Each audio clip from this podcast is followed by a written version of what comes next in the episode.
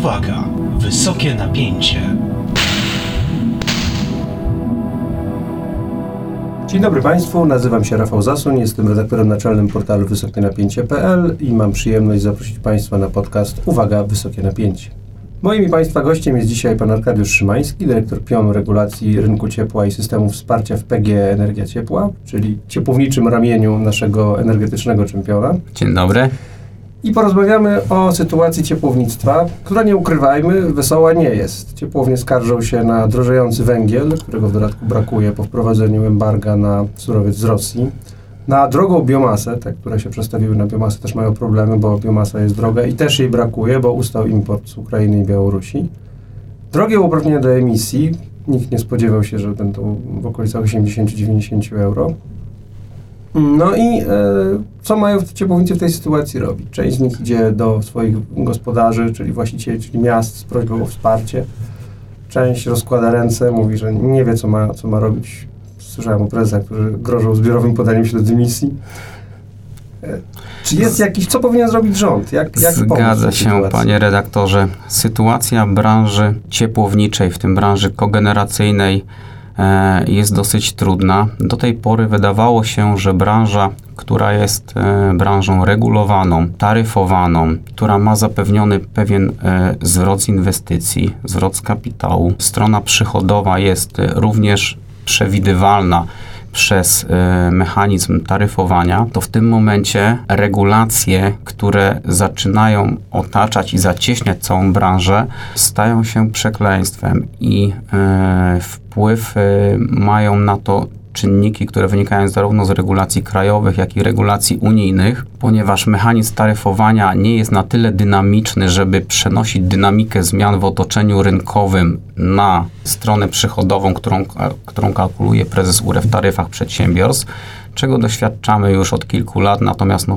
w tym roku to też w dosyć dużym stopniu dotknęło i dotknie branżę, a należy pamiętać, że regulacje unijne, czyli w szczególności teraz e, pakiet Fit for 55, który bardzo mocno branżę dotyczyć będzie w sensie negatywnym, jeżeli miałby wejść w życie w kształcie na wprost zaproponowanym we wnioskach legislacyjnych Komisji Europejskiej, to w zasadzie od pewnego okresu wyklucza w ogóle kogenerację, chociażby z, z punktu widzenia zapewniania efektywności systemów ciepłowniczych. A to jest bardzo istotne, bo efektywność systemów ciepłowniczych i osiągnięcie tego statusu zapewnia dostęp do środków publicznych, środków unijnych, dotacji preferencyjnych pożyczek do pomocy publicznej, która pozwala inwestować i modernizować e, sieci.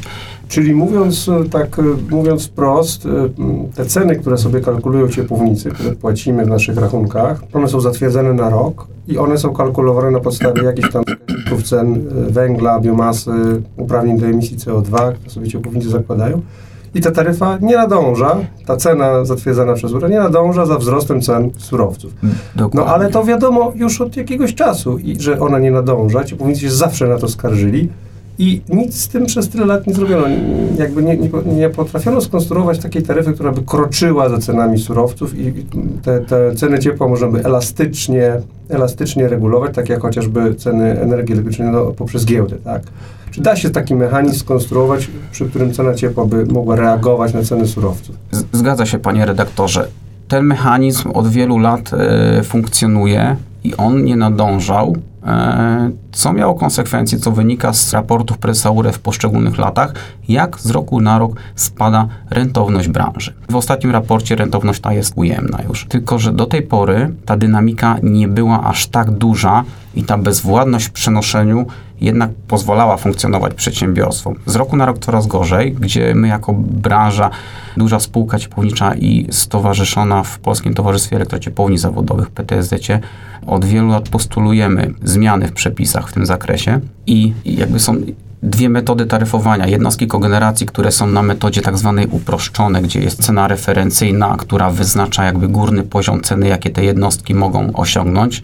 Natomiast ciepłownie kalkulują, kalkulują swoje e, taryfy w sposób kosztowy, czyli taryfa jest kalkulowana na podstawie uzasadnionych kosztów prowadzonej działalności, akceptowana przez prezesa URE. I na podstawie kosztów z poprzedniego roku ciepłownią w danym roku jest kalkulowana taryfa na kolejny rok i na podstawie dopiero tej ceny jest jest kalkulowana cena referencyjna dla jednostek kogeneracji w metodzie uproszczonej. Ta bezwładność jest dwuletnia i w tym momencie przy tej dynamice, gdzie mieliśmy końcówkę poprzedniego roku, z miesiąca na miesiąc ceny e, zarówno paliw, jak i ceny uprawnień, czyli dwa najbardziej czynniki kosztotwórcze, mające wpływ na, na, na przychody przedsiębiorstw, one zmieniały się bardzo dynamicznie. Wyrazem zauważenia tego była zmiana w ostatnim rozporządzeniu taryfowym, gdzie ministerstwo zmieniło tak zwany współczynnik K, który rozszerzona została jego e, definicja i zakres przedmiotowy o istotne warunki prowadzonej działalności gospodarczej, gdzie otworzenie tego katalogu pozwoli uwzględnić dynamikę tych cen. Natomiast... Czyli mówiąc inaczej, ciepłownie będą częściej składać wnioski o zmianę taryfy, podwyższenie taryfy? Czy jest taki mechanizm, który, składa, który, który pozwala, e, który pozwala e, przedsiębiorstwom zmienić taryfę w okresie jej obowiązywania. Do tej pory taryfa była zatwierdzona na rok. I była święta. I była niezmienialna, tak. W tym momencie jest mechanizm, który który mówi, że jeżeli zmienia się e, cena referencyjna, to e, może przedsiębiorstwo w trakcie obowiązywania, w trakcie roku taryfowego złożyć wniosek o zmianę tej taryfy. My z tego korzystamy. I prezes URE w tym roku pierwszy raz, korzystając ze swoich uprawnień, określił wskaźnik referencyjny na poziomie wyższym niż 1. Do tej pory był zawsze na poziomie 1. Teraz dla paliw węglowych był określony na poziomie 1,25, dla gazu 1,31. Z tym, że no tutaj pewne niedociągnięcie legislacyjne, tak tłumaczę, bo trudno to wytłumaczyć sobie mm, inaczej po stronie Ministerstwa Klimatu i Środowiska, ponieważ ten mechanizm ze względu na cezurę czasową, która wynika wprost z przepisów rozporządzenia, a mówię o dacie 3 listopada 2010, rozróżnia jednostki kogeneracji na takie, które jeżeli były wybudowane po tym roku, po tej dacie, mogą skorzystać z tego wskaźnika, a przed tym okresem nie. I Naszym zdaniem jest to nieuzasadnione rozróżnienie, zwłaszcza, że jednostki te starsze mają większe potrzeby inwestycyjne, bo trzeba je modernizować i tak dalej. Jako branża postulowaliśmy do, zarówno do prezesa URE i do Ministerstwa Klimatu o pilną zmianę przepisów w tym zakresie. Sprawa jest w toku, bo wydaje nam się, że, że to nie taki był zamysł, żeby rozróżnić jednostki kogeneracji, tylko zamysł był taki, żeby to do, do, żeby objęło wszystkie jednostki, gdzie zmiany na, i trendy na rynku paliw na rynku CO2 dotyczą równo wszystkich. Tak, wszyscy zadają sobie pewnie też pytanie, o ile wzrosną ceny ciepła w, jego, w swoim mieście. Widzimy, że te, te wnioski o zmianę taryfy są dość wysokie, kilkadziesiąt procent, będzie no, odczujemy to w naszych portfelach. I teraz zastanówmy się nad dwiema rzeczami. Co można zrobić krótkoterminowo, tak? Jak wesprzeć ciepłownictwo? Wiadomo, że w, wiele y, państw, nie tylko Polska, teraz y, no, ładuje duże pieniądze w, w energetykę po to, żeby ulżyć obywatelom w ponoszeniu ciężarów tego kryzysu energetycznego, który nad nami coraz bardziej się rozpościera i spółki, część spółek energetycznych dostała to kapitalizowanie obniżono VAT na paliwa, a ciepłownicy patrzą i widzą, że oni e, praktycznie nic nie dostali, no poza le, e, zmianą e, przepisów taryfowych, ale pieniędzy nie widzą. Idą do swoich właścicieli, do, do miast, ale one też nie mają pieniędzy. No i pytanie, czy tutaj rząd jednak nie powinien jakiegoś funduszu takiego krótkoterminowego powołać, z którego można by ciepłownie dokapitalizować i umożliwić im przetrwanie tego trudnego okresu. To rozwiązanie pewnie też by mogło być w palecie rozwiązań, które byłoby rozważane. Pytanie tutaj, czy nie byłoby e, zahaczenia o pomoc publiczną, którą trzeba by było czy unotyfikować Komisji Europejskiej, czy, czy, czy szerzej uzgodnić e, zgodnie z, z, z, przepisami. Natomiast coś, co e, można by było e, uelastycznić, to na pewno mechanizm taryfowy, który reagowa- pozwoliłby reagować w sposób bardziej dynamiczny czyli e, to jest po pierwsze, a po drugie umożliwić przedsiębiorstwom e, energetycznym, e, jednostkom kogeneracji elastyczność doboru metody taryfowania. Też postulowaliśmy to do Ministerstwa Klimatu, natomiast no, sprawa jeszcze nie jest przesądzona, aczkolwiek wiemy, że ten postulat również jest rozważany, czyli możliwość wyboru metody kalkulacji taryfy uproszczonej lub kosztowej yy, i pozostawić to po stronie decyzji przedsiębiorstw energetycznych. W tym momencie, gdybyśmy jako jednostka kogeneracji, która według interpretacji prezesa URE, jeżeli jesteśmy na metodzie uproszczonej, nie możemy skorzystać z metody kosztowej, a moglibyśmy mogli, to byśmy te koszty mogli przenieść w sposób na pewno bardziej dynamiczny, więc to już jest pierwszy element, który pozwoliłby e, na pewno na uelastycznienie tego mechanizmu. No tak, ale to jest jakby przeniesienie tych cen na tych, tych kosztów rosnących na klientów. Na, na, my jako klienci chcielibyśmy jednak, żeby no, nie tylko e, nie płacić więcej, a jeżeli już płacić więcej, to widzieć, że w kolejnych latach te podwyżki e, nie będą tak nas bolały. Więc czy jest jakiś, czy jest jakiś już teraz gotowy mechanizm, który umożliwiłby modernizację naszego ciepłownictwa? Bo no, węgiel nie, tak? Wiadomo już, że węgiel nie. Biomasa, wiele ciepłowni próbowało się przestawić na, na biomasę, a teraz się okazuje, że to nie jest takie proste, bo raz, że biomasy brakuje, a dwa, że ona to już, już nie jest taka święta i coraz więcej głosów się podnosi, że e, nie wolno palić tak, drewnem. Tak, dokładnie. E, gaz, no gaz do tej pory też się wydawał, e, gaz się wydawał paliwem przejściowym, ale teraz jest drogi i nie wiadomo, czy będzie. Jasne. Tutaj, co ci biedni ciepłownicy mają tutaj, robić? Tutaj mamy, mamy, mamy kilka elementów. E, kilka elementów. E, na pewno bardzo e, czynnikiem wpływającym na koszt ciepła dla odbiorcy końcowego jest koszt uprawnień CO2, który muszą zakup, zakupić przedsiębiorstwa energetyczne. Otworzenie tego rynku i wprowadzenie do mechanizmu EU ETS rynku finansowego spowodował gwałtowne wzrosty cen, ponieważ do, do, do, dostęp do tego rynku skał rynek spekulacyjny. Wiemy, że e, jest, co jest między innymi zgodne z postulatem również PGE, postulat zmiany tych przepisów e, w zakresie odcięcia rynku instytucji finansowych od zakupu uprawnień CO2, tak żebyśmy ograniczyli krąg podmiotów do E, podmiotów, które są e, zobligowane do zakupu tych uprawnień, tak? czyli e, po prostu emitują uprawnienia, czyli przedsiębiorstwa energetyczne lub, lub instytucje, które jakby na ich zlecenie pozyskują dla nich te uprawnienia.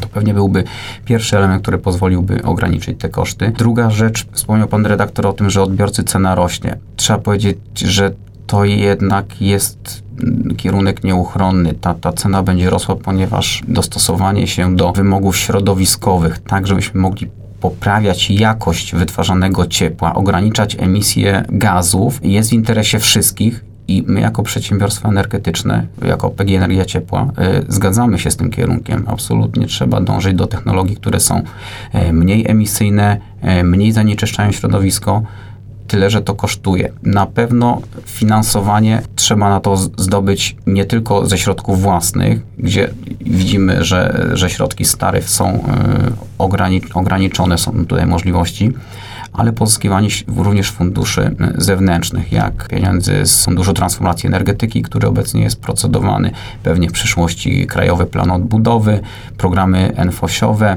Fenix, y, fundusze norweskie.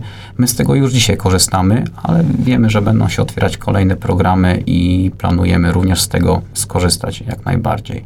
No dobrze, ale jaka Jakie technologie mogą ciepłownicy wybrać, nawet jeżeli już dostaną dostęp do tych pieniędzy, tak, ta, ta, ta kieszeń się otworzy, no to oni stoją przed wyborem w takim małym mieście, nie wiem, typu Ostruda, czy Chełm, czy Szczecinek, stoją przed wyborem, jak uciec od węgla, w jakie paliwo wejść. No i co by pan radził takim mhm. To jest, to jest bardzo trudne pytanie tak naprawdę, ponieważ my jako spółka stowarzyszona w PTSZ-cie przeprowadziliśmy analizę dekarbonizacji ciepłownictwa w kierunku do, transformacji ciepłownictwa w kierunku dostosowania się do wymogów z pakietu FIT, który zakłada odejście od paliw kopalnych i zakłada wy, wyśrubowane wymogi środowiskowe. Z tej analizy wyszły pewne pewne ciekawe wnioski w postaci takiej, że mm, przygotowaliśmy scenariusze e, i warianty technologiczne dla osiągnięcia celów z pakietu FIT, takie jakie one są przedstawione we wnioskach Komisji Europejskiej, na różnych rynkach ciepła, które mamy w Polsce dostępne,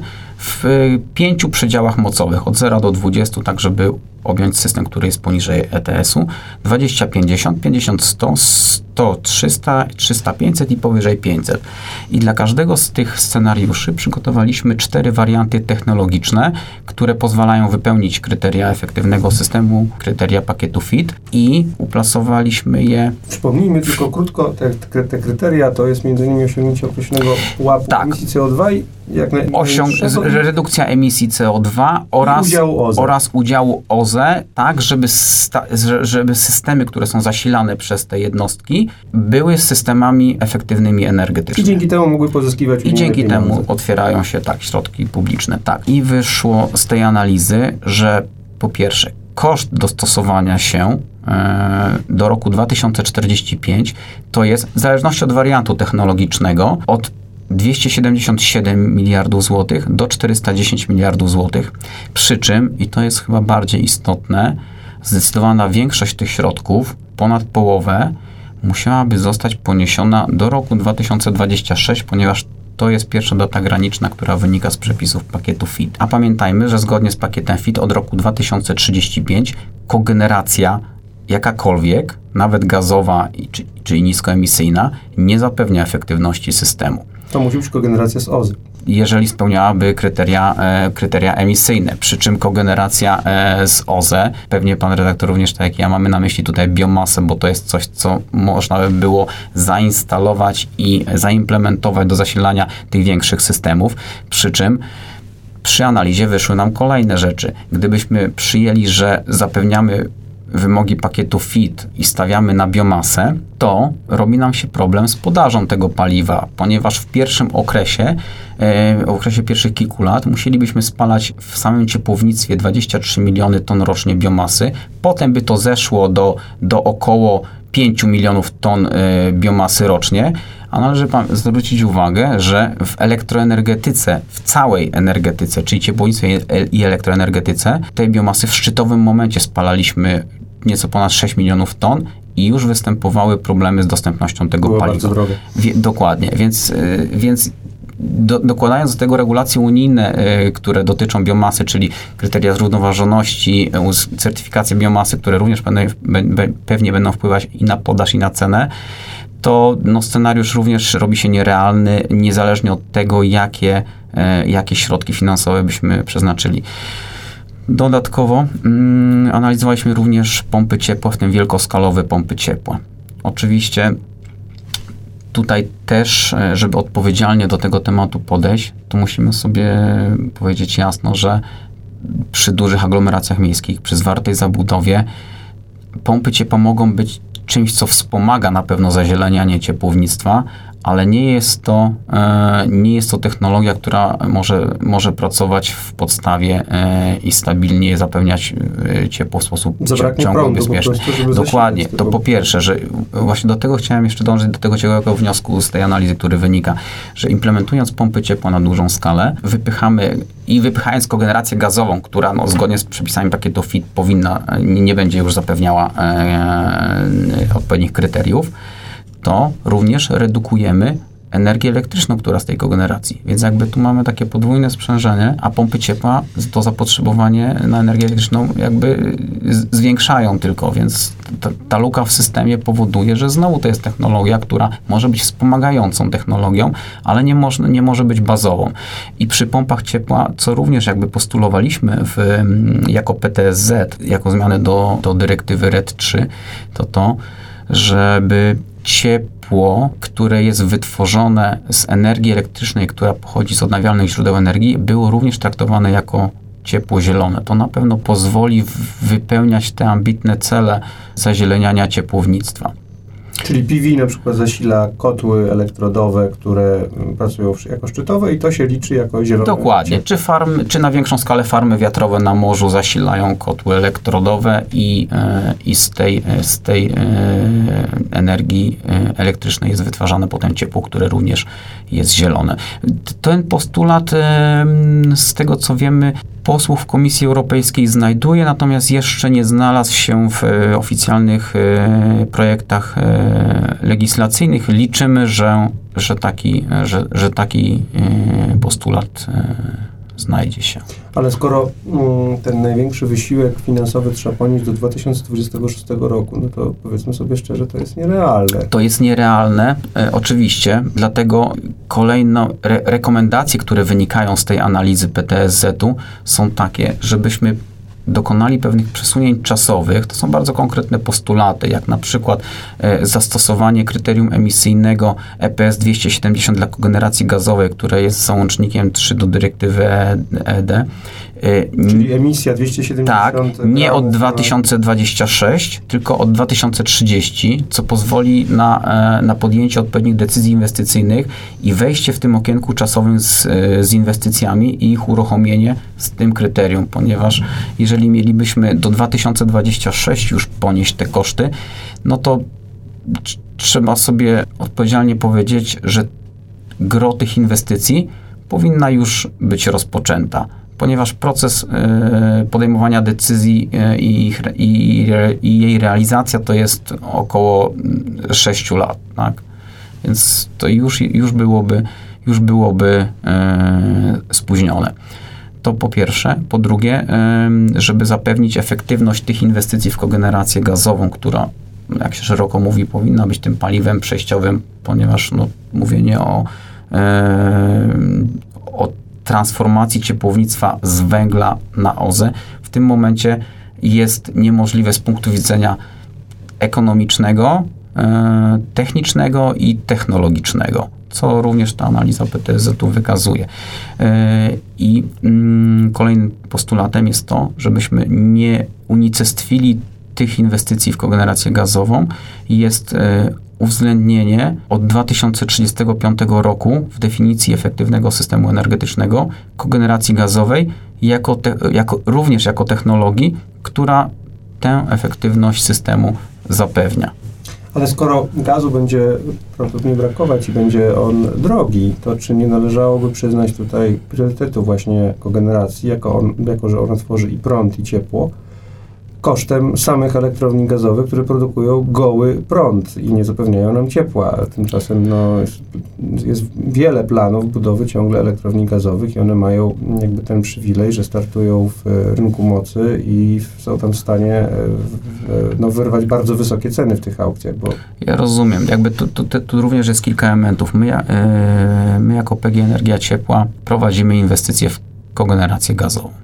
My zajmujemy się kogeneracją i takie inwestycje realizujemy i zapewne będziemy realizować, jeżeli to otoczenie regulacyjne będzie takie stabilne i przewidywalne, tak żeby wytwarzać w sposób ciągły, niezawodny i energię elektryczną i ciepło. Natomiast co do inwestycji w, w bloki gazowe, czyli w elektrownie gazowe, no to myślę, że trzeba brać pod uwagę, tu, tu trochę inny aspekt. Mówimy o bezpieczeństwie energetycznym, e, które reaguje w sposób e, e, szybki, ale też mówi, musimy, musimy pamiętać, że musimy zastępować bloki e, węglowe. Więc jakby rozumiem, że te, blok, te inwestycje w, w elektrownie gazowe, duże, systemowe, e, gdzie, tak jak pan słusznie, pan redaktor zauważył, one biorą udział w rynku mocy, zapewniają e, to bezpieczeństwo e, dostaw. ale kogeneracja też może je przecież zapewnić, bo produkuje również prąd.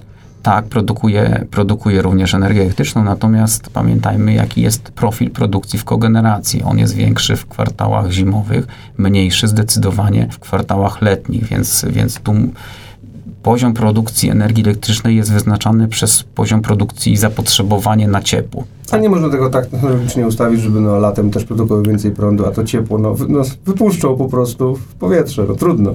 No, i tak wyjdzie taniej niż budowanie nowych elektrowni gazowych. Takie, takie inwestycje, e, taki układ technologiczny, ja nie jestem inżynierem, więc nie chciałbym tutaj się wypowiadać na tematy, e, jak wyglądają układy technologiczne w poszczególnych blokach, ale e, też wiem, że są takie możliwości w postaci tak zwanego gorącego komina, który, gdzie można to, to ciepło nadmiarowe wypuścić, pr- produkując większą e, ilość energii elektrycznej. Natomiast czy to, to, to wiem, że to podraża na pewno e, capex inwestycyjny, więc czy to się kalkuluje, czy nie w tym momencie, to trzeba było, trzeba było to przeliczyć. Natomiast pytanie, czy też ekologiczne byłoby emitowanie ciepła do, do atmosfery, to też No, z elektrowni gazowej też wyemitujemy tę określoną ilość CO2, więc y, wydaje się, że to jednak jest bardziej ekonomiczne. Ale jeszcze o jedną rzecz chciałem zapytać. Wielu ciepłowników ucieka przed, y, przed tym nieszczęsnym systemem handlu uprawnieniami do emisji, zmniejszając y, moc swoich jednostek.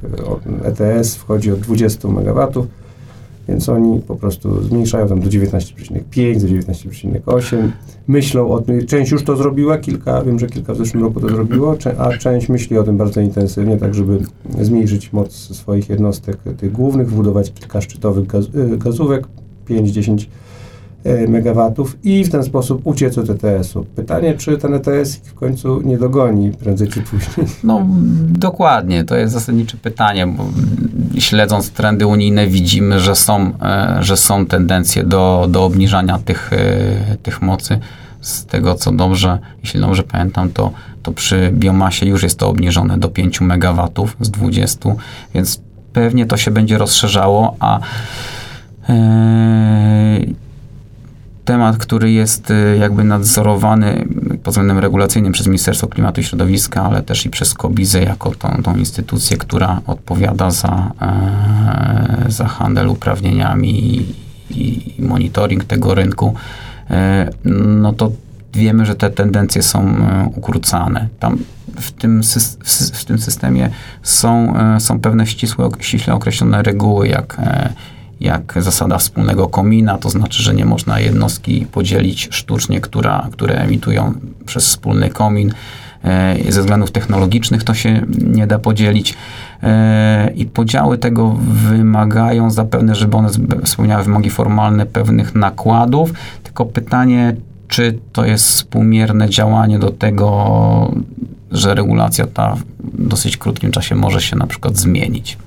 Więc no właśnie. A czy ciepłownie miejskie mm, są przygotowane w ogóle do tych wyzwań, które y, ich czekają? Przecież tam pracują często y, no, ludzie od wielu, 20-30 lat, którzy no, sprawują nadzór techniczny nad tym, nad tymi urządzeniami, które też często mają po 40-50 lat. Y, no i, i oni często rozkładają ręce i mówią, my nie wiemy, co mamy robić nawet rozmawiałem z ciepłownikiem, który mówi, że ja nie mogę wystartować do aut kogeneracyjnej, czy tutaj, mm, tak żeby sobie y, dorobić y, y, ten element jeszcze produkujący prąd, bo ja nie mam ludzi, którzy mi przygotują dokumenty, a nikt mi tych ludzi tutaj nie zapewni. Więc pytanie, czy tutaj mm, mm, był taki moment, kiedy mówiło się, że spółki Skarbu Państwa no, wejdą mocno w ten sektor, będą wykupywać ciepłownie, bądź dzierżawić ciepłownie od miast i będą w nie inwestować tak, żeby te ciepłownie mm, wyszły na, na, na prosto, mogły się zmodernizować, bo one same, bardzo trudno im samym to zrobić. No i niestety, bo tam kilka takich przypadków rzeczywiście było, ale nie widać jakiegoś takiego masowego trendu mm, inwestycji ze strony spółek Skarbu Państwa i inwestorów prywatnych zresztą też w te ciepłownie, których przypomnijmy mamy ponad 400 i no, czy one nie zostaną tak naprawdę gdzieś w którymś momencie aktywami osieroconymi. Całe ciepłownictwo będzie trzeba zbudować e, od nowa. Już e, ludzie po prostu sami będą jakoś zapewniać sobie ciepło w blokach, bo inwestując po prostu w silniki gazowe.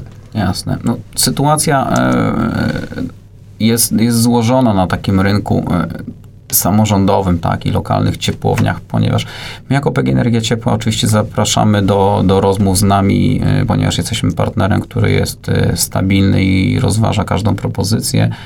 E, I my prowadzimy szereg takich rozmów lokalnych, gdzie próbujemy rozpoznać i zapotrzebowania, i pewne uwarunkowania. Oczywiście dokonujemy analiz technicznych, ekonomicznych Natomiast trzeba pamiętać, że mm, czasami w takich lokalnych ciepłowniach no, struktura właścicielska też jest, jest taka trudna do, e, do analizy i do, e, do przeprowadzenia procesu zakupowego, ponieważ to są, samorządy niechętnie to są spółki samorządowe, tak, no czasami nie jest to patrzenie, nie jest to patrzenie stricte biznesowe i ekonomiczne, tylko tylko uwzględniające różne uwarunkowania lokalne, co na pewno nie ułatwia tych rozmów. To po pierwsze. Po drugie, mm, udział w systemie wsparcia kogeneracji. My bierzemy udział w systemie wsparcia kogeneracji, korzystamy i zarówno w aukcjach, jak i, jak i naborach, czyli dla tych jednostek większych, powyżej 50 MW. Ten proces nie, nie widzimy, że był on szczególnie skomplikowany, więc przygotowanie oferty y, to nie jest jakiś problem, bo rozumiem, że, że to, o czym pan wspomniał, to był problem na zasadzie problemu formalnego przygotowania dokumentów. No i zrobienia tak? Bo jakby kalkulacji. ka- i kalkulacji, i, i, i, i wyliczenia jakby mm, ekonomiki inwestycji. To wydaje mi się, że to nie jest, nie jest najbardziej y, skomplikowane. Na pewno dużo bardziej skomplikowane jest potem zrealizowanie tej inwestycji.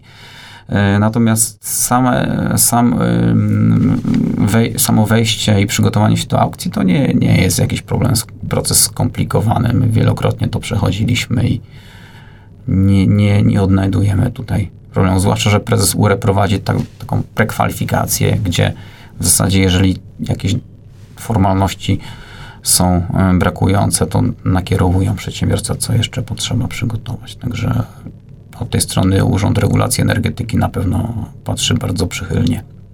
Większe problemy są na pewno środki inwestycyjne, które mm, trzeba przeznaczyć na, na, na te inwestycje, bo potem oczywiście premia e, kogeneracyjna jest wypłacana, jak ona jest wypłacana przez 15 lat, a decyzję trzeba podjąć e, już dzisiaj i skalkulować ofertę już dzisiaj.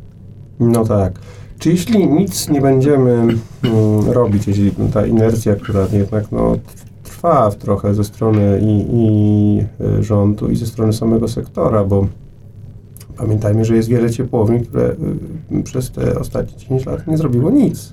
Dalej jadą na tym węglu, jak, y, jak, jak jechały i myślę, że, że jeszcze, jeszcze kolejny rok się uda. Czyli jeśli ta inercja będzie trwała, to mm, jest to, to scenariusz taki, że będziemy po raz, po raz kolejny wydłużać, wydłużać, wydłużać okresy, negocjować z komisją, negocjować, aż nam się to wszystko posypie i, i w którymś momencie już nie będzie można dłużej tego robić i, y, no, i wtedy te ciepłownie zostaną y, aktywami osieroconymi i pojawi się ktoś nowy, kto powie, ok, ale nie musicie mieć ciepła sieciowego, ja mogę wam zains- zainstalować silnik na przykład kogeneracyjny w, w, na kilka osiedli, na, albo na jedno osiedle, na kilka bloków.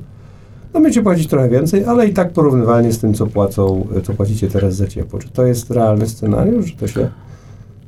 cały rozwój mikrokogeneracji e, w oparciu o silniki gazowe, jakby co już widzimy się dzieje, to myślę, że tego trendu nie, nie zatrzymamy. Oczywiście my jesteśmy dostawcą ciepła sieciowego i promujemy e, ciepło sieciowe jako najbardziej efektywne, najbardziej ekologiczne i najbardziej ekonomiczne, bo jednak wytwarzanie wielkoskalowe e, przekłada się na to, że koszty jednostkowe są, są niższe, aczkolwiek e, widzimy taki trend, że, e, że rozwija się prosumen, prosumeryzm, tak? E, Odbiorcy instalują sobie własne jednostki zasilanie, rozwijają się e, małe silniki zasilając osiedla. Jakby myślę, że tego trendu też nie zatrzymamy, aczkolwiek my będziemy starali się rozwijać jak najbardziej to ciepło sieciowe też, no to wynika też jak, jak, jak można zaobserwować z naszych inwestycji. Przy czym również regulacje, y, regulacje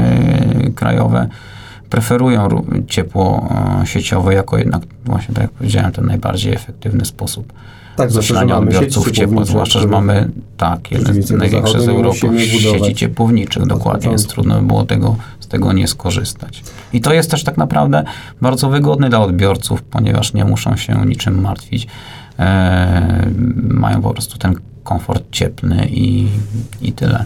Oczywiście trzeba dążyć do tego, żeby to była cena po uzasadnionej ekonomicznie cenie e, i w sposób zrównoważony, tak żeby mm, nam jako przedsiębiorcom zapewniony został zwrot z inwestycji i, e, i środki na kolejne inwestycje były zapewnione, a odbiorcy, żeby e, w sposób e, no, dla nich odpowiedni byli obciążeni.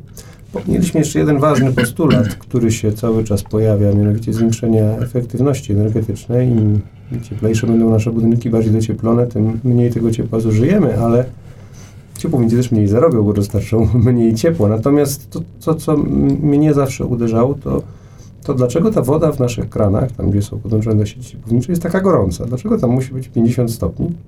Nikt tego prawie nie potrzebuje. Na zachodzie jest to generalnie mniej, no tam nie leci mm, niemalże wrzątek z kranu. Czy jakbyśmy obniżyli temperaturę w, w naszych e, kranach, to nie, no, trochę by tego CO2 i paliwa udało się zaoszczędzić chyba, więc czemu tak prostej rzeczy nie można zrobić. Tutaj e, jestem prawnikiem, nie, nie inżynierem, więc e, myślę, że to, to wynika chyba z pewnych, e, z pewnych uwarunkowań. Sieci nie mamy niskotemperaturowych, bo gdybyśmy mieli sieci niskotemperaturowe, to moglibyśmy je zasilać w większym stopniu OZE, a wymiana tych sieci na niskotemperaturowe to jakby są kolejne, kolejne koszty i też dostosowanie instalacji odbiorczych i tak dalej. To po pierwsze. Po drugie, z tego, co inżynierowie też wskazywali, mamy zjawisko tak zwanej legionelli, gdzie trzeba e, wodę podgrzać do odpowiedniego stopnia, żeby te, bakteria, żeby, te, tak? żeby te po prostu bakterie były, były unicestwione, tak? Tutaj no tak, czyli musimy po prostu również inwestować w sieci, tak żeby te inwestować sieci, w sieci, które są tak, niskotemperaturowe sieci. Przypomnijmy jeszcze raz na koniec tę liczbę, bo ona robi duże wrażenie, tę liczbę, e, no kwotę, którą musimy zainwestować do 2026 roku. To jest, y, to jest tak, do 2045 w celu dostosowania się do pakietu FIT for 55 w takim kształcie, jakim jest teraz, to jest koszt w zależności od wyboru wariantu technologicznego od 277 miliardów do 410, przy czym na to składają się trzy elementy. To są nakłady na instalacje wytwórcze, nakłady na sieci, czyli na e, instalacje przesyłowe, dystrybucyjne i trzeci element, nakłady na instalacje odbiorcze, czyli już bezpośrednio u odbiorców. To są takie trzy elementy. Natomiast na samą e, infrastrukturę e, wytwórczą do roku 26 to według tej analizy powinniśmy e, ponieść kwotę 150 miliardów złotych. 150 są, miliardów złotych w ciągu najbliższych czterech lat na instalacje, na, na, na e, instalacje wytwórcze tylko. Tak, czyli na, mówiąc wprost, odejście od węgla. Tak, tak, na dostosowanie się do pakietu FIT. Więc myślę, że to z, nie tylko jakby problemy techniczne, technologiczne, ekonomiczne, ale e, po stronie przedsiębiorstw, ale też pamiętajmy, że e, przy dochodzie rozporządzalnym na ciepło w Polsce dwukrotnie wyższym niż na przykład w Niemczech, to jest to horrendalny koszt, myślę, że no, nie do udźwignięcia po stronie odbiorców w tak Czyli krótkim mówiąc czasie. Wprost, przeciętny Polak płaci y, dwa razy więcej, dwukrotnie większą część swoich dochodów tak. na ciepło niż przeciętny tak. Niemiec. W Niemczech jest to około 5% y, y, dochodu rozporządzalnego przeznaczonych na, y, na ciepło, w Polsce jest to około 10%. Więc no tak. dwukrotnie więcej. I z tymi liczbami 150 miliardów złotych w ciągu najbliższych 4 lat i 10% naszych dochodów przeznaczonych na ciepło Państwa zostawiamy. Moim Państwa gościem w podcaście Uwaga, Wysokie Napięcie był Pan Arkadiusz Szymański, dyrektor pionu regulacji PG Energia Ciepła. Zapraszamy do słuchania kolejnych podcastów naszej serii. Żegnam Państwa, Rafał Zasun, portal wysokienapięcie.pl. Dziękuję bardzo. Do widzenia. Do widzenia.